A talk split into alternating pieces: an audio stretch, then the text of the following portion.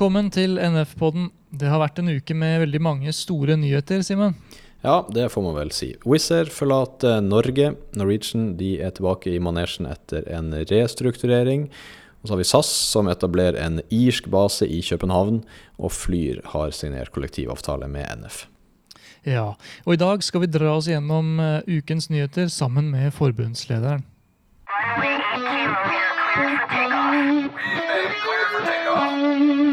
Forbundsleder Yngve Karlsen i Norsk Flygerforbund, velkommen til deg igjen. Takk skal du ha. Du, Vi starta med nyheten som kom her i helga, der uh, Wizz Air annonserer at de trekker seg ut uh, av norsk innenriks. Uh, hvorfor tror du det skjedde, egentlig? Ja, altså jeg vil først og fremst si at det er et ganske betydelig mageplask da, at de trekker seg ut etter syv måneder her. Samtidig så er det jo en rasjonell beslutning, for jeg tror at hele business-caset ved å etablere seg innenriks i Norge, der de skulle være langsiktige osv., som var jo basert på at eh, Norwegian ikke ville overleve. Og når da eh, Norwegian gjenoppstår eh, som et refinansiert og nytt selskap med på en måte den posisjonen de har her, så, så var det vel ikke regningssvarende, tror jeg. Så, um, det er en god nyhet, eh, selvsagt. De har jo eh, egentlig omtalt og behandlet eh, fagbevegelsen og et organisert arbeidsliv som om det er gift og ikke bra for på en måte utviklingen av et blomstrende Wizz Så i så måte så er det også en seier for et organisert arbeidsliv at de drar til andre markeder. Og så skylder de også på proteksjonisme og at den norske stat favoriserer norske selskaper. Hva tenker du om den unnskyldningen der?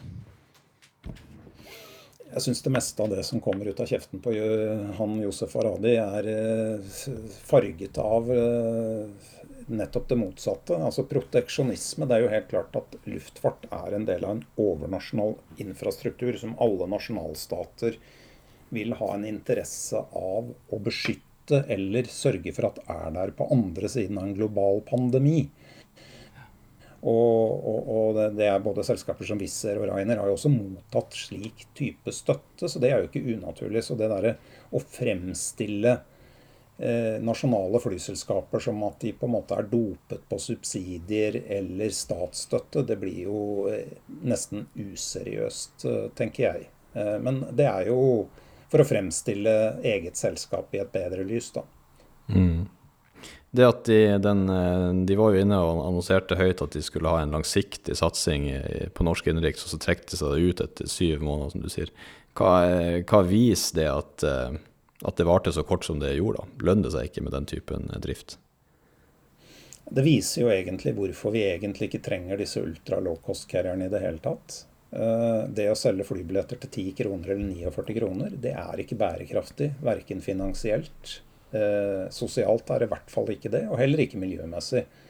Eh, og det er jo nettopp det at de trekker seg inn og ut av markeder, da. Altså, De tra tradisjonelle flyselskapene opererer jo og har operert i et marked gjennom 70-80 år. De leverer infrastruktur i luften. Altså Norge er helt fullstendig avhengig av et transportnett i luften. Og det er klart at det kommer et selskap som begynner å betjene et rutenett, og fra den ene dagen til den andre, selv om toppsjefen har sagt bare 14 dager før at de er langsiktige, det kan jo få betydelige konsekvenser for det reisende publikum og for det næringslivet som et slikt selskap eventuelt betjener. Mm. Og nå når uh, Wizz Air har uh, trukket seg ut, uh, hva tenker du det har å si for Norwegian? For nå er jo de oppe og står og i mål med en restrukturering? Altså Wizz Air er jo, først, var jo først og fremst en konkurrent til Norwegian. Altså et eh, lavkostselskap eller lavprisselskap. Mm. Men selvsagt har det betydning også for SAS og Widerøe. Eh, 5,5 millioner nordmenn, selv om vi flyr som vi var 54 millioner innbyggere. Vi er jo det mest eh, flygende publikum i, i Europa. Og det handler jo om distanser og hvordan vi bor i dette landet. Men selv 54 eh, millioner Om vi skulle vært 54 millioner, så er det klart det at fem flyselskaper for å betjene, eh, betjene disse, det reisende publikum, det er vel for mange. Og det ville jo da kunne medført en helt uvettig prising av hvem som holdt ut lengst. Det kunne vært hyggelig for forbrukeren en periode, men man risikerte jo at hele infrastrukturen forvitret, og at vi ville fått et dårligere transporttilbud på bakgrunn av en sånn usunn konkurranse. Mm. Det har jo vært eh, nevnt tidligere her i podkasten òg at eh, når det nå var da fire aktører som skulle fly på egentlig det samme rutenettet, altså SAS, Norwegian og da Wizz Air og Flyr, så ble det vel spekulert i at én av de i hvert fall nok sannsynligvis kom til å gå under. Tror du det gjelder fortsatt nå som det kun er tre som flyr på det samme rutenettet, og så da Widerøe i tillegg, da? Det kommer helt an på om disse aktørene her er ansvarlige i forhold til prissetting. Ikke sant? Hvis det er noen som er villig til å selge flybilletter for under kostpris, som jo for så vidt ikke er tillatt, i hvert fall hvis du er en dominerende aktør, men det er den faktisk nødt til, altså også akkurat som en taxitur eller en bussbillett er nødt til å dekke de kostnadene er ved å levere den tjenesten. Sånn er det jo også for luftfart. Så hvis de evner å ta ut den prisen som er fornuftig for å produsere f.eks. et flysete fra Oslo til Bergen, ja, så er det jo plass til alle sammen. Men eh, straks noen begynner å tro at de skal selge flybilletter for eh, under kaffekoppen på flyplassen, ja, så er det jo da snakk om hvem som holder ut lengst. Og, og det er ikke spesielt fornuftig agerende, spør du meg. Nei, for da må kostnader eh, presses til det ytterste. Og det har vi jo begynt å spekulere i da, med SAS sin siste nyhet, hvor de har opprettet en konkurrerende base i København. Den skal drives av det irske datterselskapet Sail. Og mens skandinaviske piloter er oppsagt, så um, skal man vel da heller ansette piloter i et irsk selskap før man henter inn igjen oppsagte piloter. Hvordan reagerte du på denne nyheten? Ja, altså Det er jo eh, på en måte ikke noe som vi liker i det hele tatt. Vi har jo en 540-50 piloter som er sagt opp i SAS, altså 40% av pilotene. Og det at man eh, på en måte oppretter da en base med et eh, utenlandsk, altså et irsk selskap, for å drive med de samme flyene på den samme en av de tre hovedbasene våre, det er klart at vi ser det som veldig, veldig problematisk. Hvilke eh, reaksjoner har du fått også fra foreninga i SAS og ansatte, og de som da står utfor og venter på jobben tilbake? Ja, jeg ser jo det at de reagerer med sinne og med betydelig skuffelse. Eh, det er jo eh, dessverre slik at eh, det har vært veldig liten tillit mellom ansatte i SAS og, og, og ledelsen osv. Og, så sånn. og nettopp dette her er jo et grep som som på en måte ikke akkurat bidrar til, eh, til, å få på plass nødvendig tillit. Nå kommer det jo på plass en ny eh, konsernsjef fra 15.07, Anko van der Werf. Og vi har vel betydelig tro, og i hvert fall håp, på at Anko eh, er ansatt for å gjøre noe med nettopp dette tillitsbiten som ethvert selskap er avhengig av. Eh, Anko van der Werf har veldig god eh, track record i Avianca, som han kommer fra. Og Aero Mexico. Eh, han har god dialogkompetanse, har eh, betydelig kompetanse på luftfart og erfaring derfra. Så vi er jo forhåpningsfulle til at dette kan komme inn på et annet spor, og at vi kan komme inn på en annen vei også. og Det er vel det jeg hører fra medlemmer rundt omkring. Altså De er frustrert, de er sinte på dette grepet, men de håper jo at vi kan se en lysere framtid i forhold til dialog internt i, i, SAS. Det er jo en base på en base. Altså Har man hørt om det før? Det må jo være et helt nytt fenomen at, at et uh, selskap eier to underselskaper som, som skal konkurrere med hverandre på samme plass? Altså, dette sier vel alltid altså, Dette er et veldig sånn tydelig tegn på hva som er galt i luftfart. da. Det er jo den evige kostnadsjagskarusellen. Og nå er jo klart at eh, SAS som andre flyselskaper har stått nå 15 måneder i en pandemi. Altså der man eh, har opplevd å tape 30-40 millioner kroner om dagen. Og, og, og, det på en måte forsterker jo den der behovet for på en måte kutte kostnader og gjøre ting billigst mulig. Det er klart at dette er jo eh, veldig spesielt. Eh, det er jo ikke ulovlig. Altså Sail er jo et eh, flyselskap som SAS eier 100% som har en irsk driftstillatelse, og det har jo muligheten til å gjøre det. Men at eh, SAS-ledelsen skjønner jo også at dette provoserer veldig. For her eh, oppretter man jo altså på en måte base der hovedproduksjonen til SAS foregår, med en plattform som såkalt skal produsere dette rimeligere enn de eksisterende SAS-ansatte. Og det i en periode hvor 40% av disse er oppsagt pga. en pandemi. Så jeg vil si at det er oppsiktsvekkende at de går til dette grepet her sånn. Eh, det er uklokt at eh, man velger å gjøre det, fordi at det eh, bidrar bare til å rive ned eh, både motivasjon og tillit for nettopp de som spesielt er oppsagt som følge av denne pandemien og nå har stått utenfor arbeidslivet i rundt et år. Mm. Og sånn fra forbundets side, hva, hva, gjør man videre med denne saken? her? Jobber man politisk eller mot media, eller hvordan jobber man med å få liksom, opplyst om SAS sine driftsmetoder? da? Altså Det vil jeg jo tro at håndteres uh, først og fremst i Danmark. Uh, her sånn, Det er jo det at et uh, kan du si, konkurrerende fagforbund har gått inn og tegnet en tariffavtale på, i et selskap heleid av SAS som liksom på en måte med stor sannsynlighet vil medføre at mange av de oppsagte danske pilotene det i hvert fall går lengre tid før de får tilbake jobben, om de gjør det. Det, det, er adressert overfor FPU og FPUs leder eh, direkte fra meg i ganske tydelige ordelag. Det, det blir adressert eh, også mot dansk FH, som det heter, som er dansk LO. det. Altså for det, dette bidrar jo liksom på en måte til å rive ned betingelsene, og det er vel ikke akkurat det som eh, fagbevegelsen skal drive med. Og så har vi jo litt, eh, Det er jo gode nyheter også på slutten her, da, der vi fikk vite her forleden at eh, Flyr og Norsk Flygerforbund har signert en kollektivavtale sammen. Hva betyr det egentlig, at dere nå har tegna en avtale med Flyr? Ja, altså Det betyr jo først og fremst eh, at betingelsene som på en måte de av våre medlemmer som allerede er ansatte i Flyr, og som har da en ansettelseskontrakt, men også for de som er på vei inn og skal begynne på ulike kurs her nå gjennom sommeren og høsten, har fått løftet eh, betingelsene sine eh, betydelig i forhold til det som de var tilbudt. I tillegg så er det jo da en eh, kollektivavtale, som du sier, altså en tariffavtale som ligger under hovedavtalen.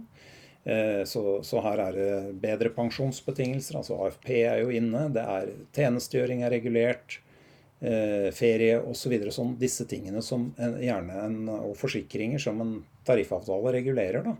Så, mm. så, jeg opplever jo at det må være en god nyhet eh, for både de av våre medlemmer som eh, enten jobber der eller straks er på vei inn der. Fordi at eh, vi har klart gjennom disse forhandlingene å få på plass vesentlig bedre betingelser enn det de var forespeilet. Hvordan har samarbeidet vært med Flyr, og var det, var det godt miljø under forhandlingene?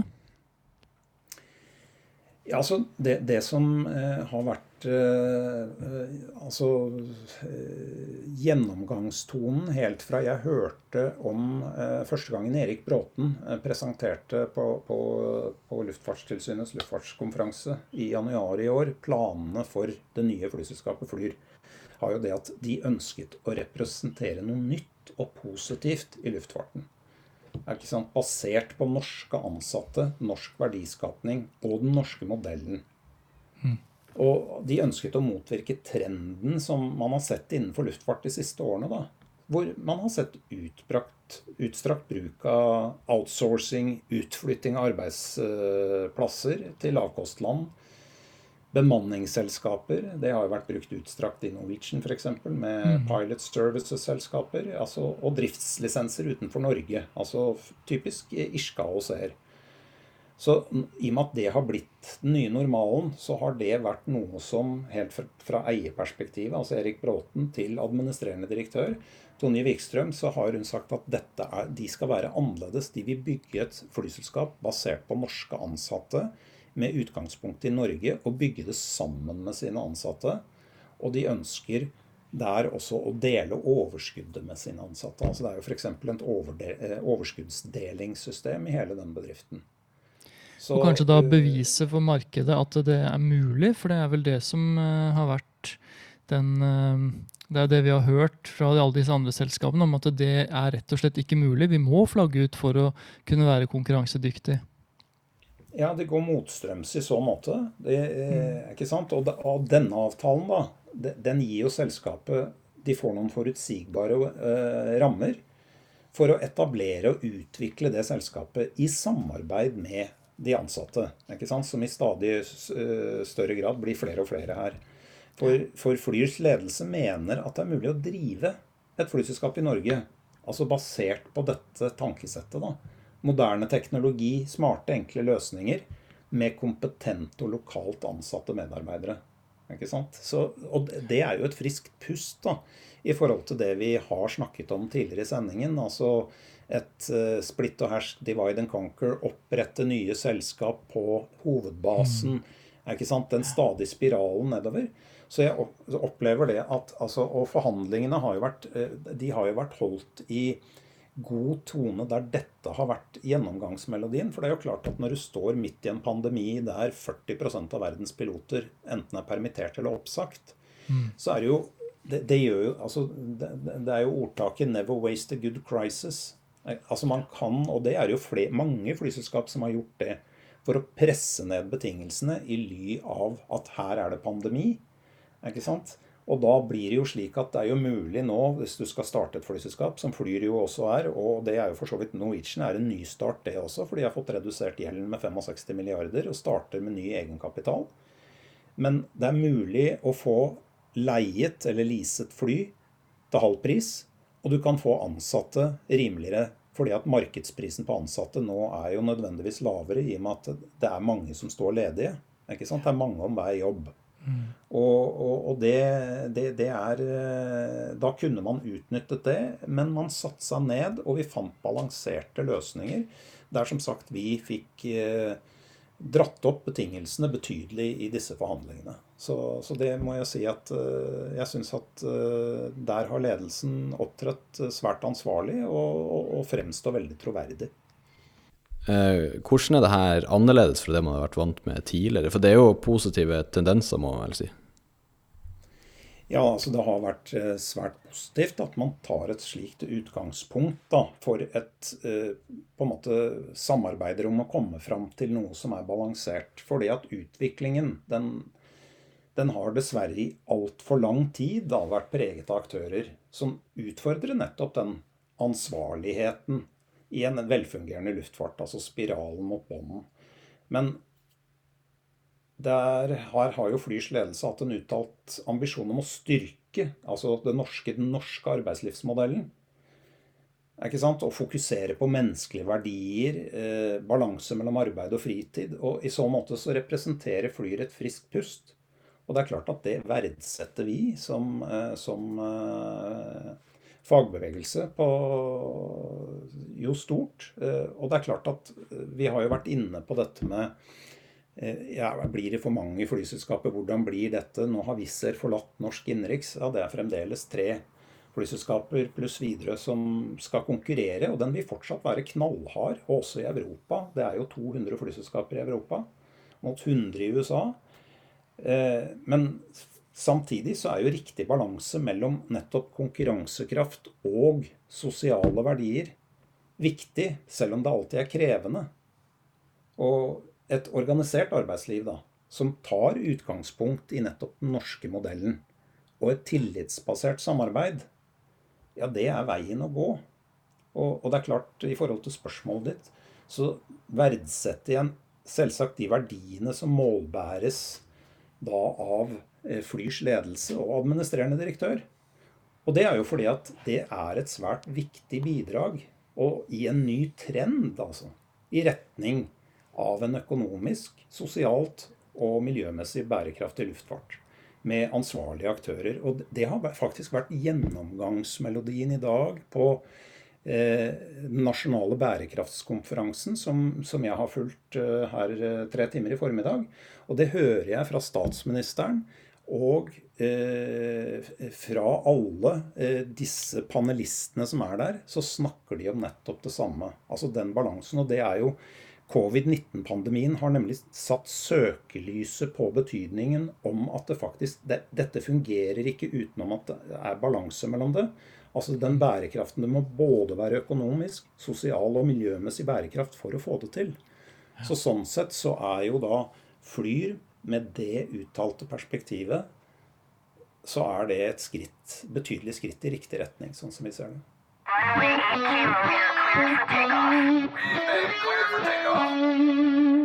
Ja, Det er godt med et selskap som Flyr, som sender signaler om at de vil bidra til det vi kaller den nordiske modellen. Ja, altså med ett selskap mindre på det norske markedet, så er det jo fortsatt mange selskaper som eh, står klar. Så blir det spennende å se da hvordan Norwegian kommer til å drive når de er ute av denne restruktureringa. Ja, og hva SAS sine planer for driften er videre nå når man uh, ser de etablerer Sail i København. Mm. Selv om det fortsatt er pandemi, jeg vet ikke, det føles jo litt som at det kanskje begynner å slippe litt. I hvert fall med at Det føles i hvert fall som at selskapene rigger seg til og står og tripper litt på startstreken, klar for å komme i gang. Vi sier takk for nå, og så hører vi om en ukes tid.